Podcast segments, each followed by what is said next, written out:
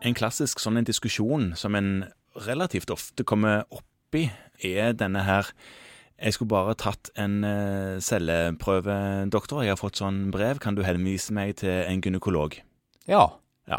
Og så uh, skjønner en jo på en måte hvorfor en uh, kvinne på i sin beste alder. Ja, sant. Et eller annet. Eh, tenker at eh, det ønsker jeg ikke at akkurat du som mannlig fastlege skal, skal, gjøre. Jeg vil at en gynekolog som har dette som sitt hovedvirke, skal gjøre. Jeg vil ikke kunne oppføre meg normalt etterpå når du har gjort den typen undersøkelse på meg. Nei, sånn er det nok en del som føler. Men dette er jo en allmennlegejobb, og noe en allmennlege bør gjøre og skal gjøre. Og skal kunne gjøre. Og skal kunne gjøre, ja. ja. Både GU-en og det å legge inn en spiral, og det å sjekke at spiralen ligger der sånn cirka der den skal, og den typen ting. Ja. Men allikevel så får vi disse diskusjonene. Ja, det er klart at det er en utfordring. Jeg tror kvinnelige fastleger òg får det spørsmålet, selv om de aldri er så mye kvinner. Ja, men sjeldnere. Og jeg tenker det er to diskusjoner som, som du reiser litt her, Morten. Og det ene er hva vi som tjeneste skal gjøre i primærtjenesten.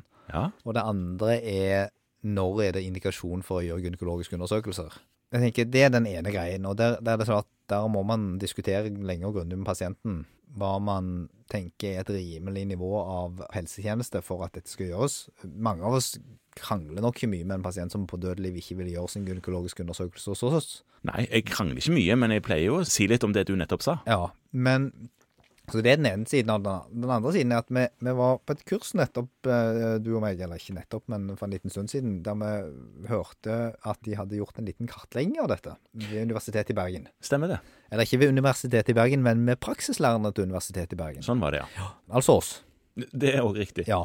Eh, og der de hadde påvist det vi egentlig alle vet, at det er en enorm variasjon i hvor lett det blir gjort gynekologiske undersøkelser om det utføres såkalt bimanuell palpasjon. Og der resultatet, ikke så veldig overraskende, nesten utelukkende var styrt på kjønnet til fastlegen. Ja, sånn at eh, menn tok litt få, og kvinner tok litt mange GU-er. Ja, hvis vi skal hoppe til konklusjonen, så er det kanskje sånn at menn tar nok for få GU-er, og kvinner palperer kanskje litt oftere enn de trenger. Og det passer jo med den verden vi har. Og så får man jo diskutere da, hva er, hva er riktig nivå. Tenke at det som er viktig, er at man gjør dette så ofte at man opprettholder en kompetanse på det. Ja. Fordi at det som også kom fram i denne studien, var at menn var nok mye raskere til å bare droppe hele den gynekologiske undersøkelsen hvis du hadde tenkt å henvise pasienten uansett. Ja, til gynekolog, ja. ja. ja. Og det var være seg enten det var fordi det var en blødningsforstørrelse eller en eller annet, annet gynekologisk symptom, mm. eller en vanlig cytologisk undersøkelse. Med andre ord, hvis den mannlige fastlegen finner ut at denne pasienten har jeg tenkt å henvise videre, så dropper han GAU. Ja. Kvinner var mye mindre tilbøyelige til å gjøre det. De ville mye større grad gå videre og gjøre en undersøkelse. Og der må man nok kunne si at ettersom god henvisning skal baseres på en sykehistorie, en klinisk undersøkelse og eventuelle tilleggsundersøkelser, så lever man vel litt i en unnlatelsessynd hvis man mer eller mindre konsekvent unnlater å gjøre en gynekologisk undersøkelse. Ja, Henviser du en eh, til kardiolog uten å lytte på hjertet? Det, nei. Nei, ja, Det kan kanskje ikke, men kanskje. det ja, det er ikke helt eh, riktig. Man kanskje. gjør det. Så der eh, var tilbakemeldingen ganske tydelig, at der må vi kanskje gå litt i oss selv og være grundigere med å tenke gjennom hvorfor vi eventuelt unnlater å gjøre det. Mm. Nå kan vi godt påstå at dette er verdens naturligste ting. Det blir det aldri. Sant nok. Men det er kanskje allikevel nødvendig.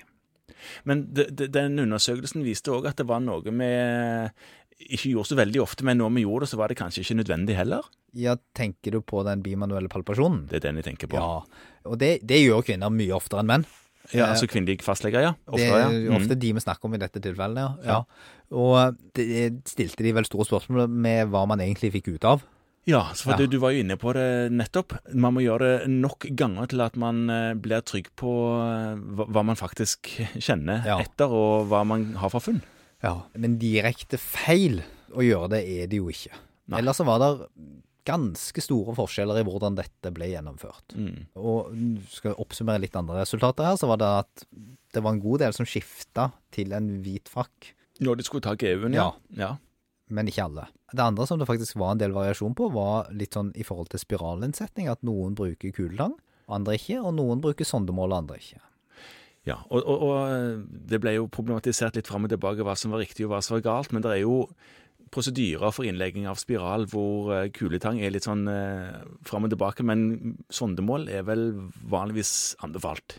Ja, sondemål bør man ha, for ellers er man veldig usikker på om det er plass, og man kan røke på en masse problemer. I tillegg så skal han jo òg stille inn en litt sånn eh, spiralmål. Ikke sant. Mm. Sånn at for å være noenlunde sikker på at spiralen skal havne der han skal, mm. så er et sondemål eh, nødvendig. En kuletang, det kan man diskutere, for hvis ting ligger noenlunde i ro, så er det ikke alltid nødvendig nødvendig. Helt sant. Hvorfor det der heter kuletang, egentlig? Det er, Nei, det, det er totalt motsatt av en kule. Det ser jo ikke ut som en kule, det ser ut som to kroker. Jeg tror det navnet er rett og slett bare for å lage eh, noe som ser ut som et torturapparat, litt mindre skremmende. Ja, jeg tror ikke det virker. Nei, det virker ikke sånn. Min erfaring er nei, det virker ikke. Og så eh, var det også et poeng at det er noen som gjør gynekologisk undersøkelse ved første svangerskapskontroll. Ja, det var det òg. Og noen som gjorde det alltid ved seksukerskontrollen. Ja, og der ingen av delene er strengt indisert. Nei, det kom helt an på, helt an på rett og slett. Ja. Så, sånn at der kan det godt være en stor variasjon, men det bør ikke være en stor variasjon mellom legene. Det bør være en stor variasjon i indikasjonen for at dette skal gjøres eller ikke. Ja, nettopp. Men hva koker vi ned til når det gjelder GU i allmennpraksis her, da? Er det, er det, så lett å si at eh, kvinner gjør litt, eh, kanskje litt mange, og menn gjør litt få? Ja, det var vel det som ble presentert som resultatene for denne ja. kartleggingen. Og at, eh, at, vi dermed som eh, mannlige fastleger godt kan være litt mer eh, fokusert på å gjøre undersøkelsen når det faktisk er indisert. Mm. Og kvinnene kan med god samvittighet bruke litt mindre tid på det enn det de gjør i dag. Og en ting til som er en sånn liten kjepphest for oss som har studenter, det er å ta med studentene, eller turnuslegen, eh, og begge to for så vidt, på de GU-ene man faktisk gjør, sånn at de blir trygge på det. Ja. Jeg har opplevd mange ganger at uh, unge kolleger kommer ut og ikke har gjort en eneste GU gjennom turnustiden, og det er jo ikke bra. Det er ikke heldig.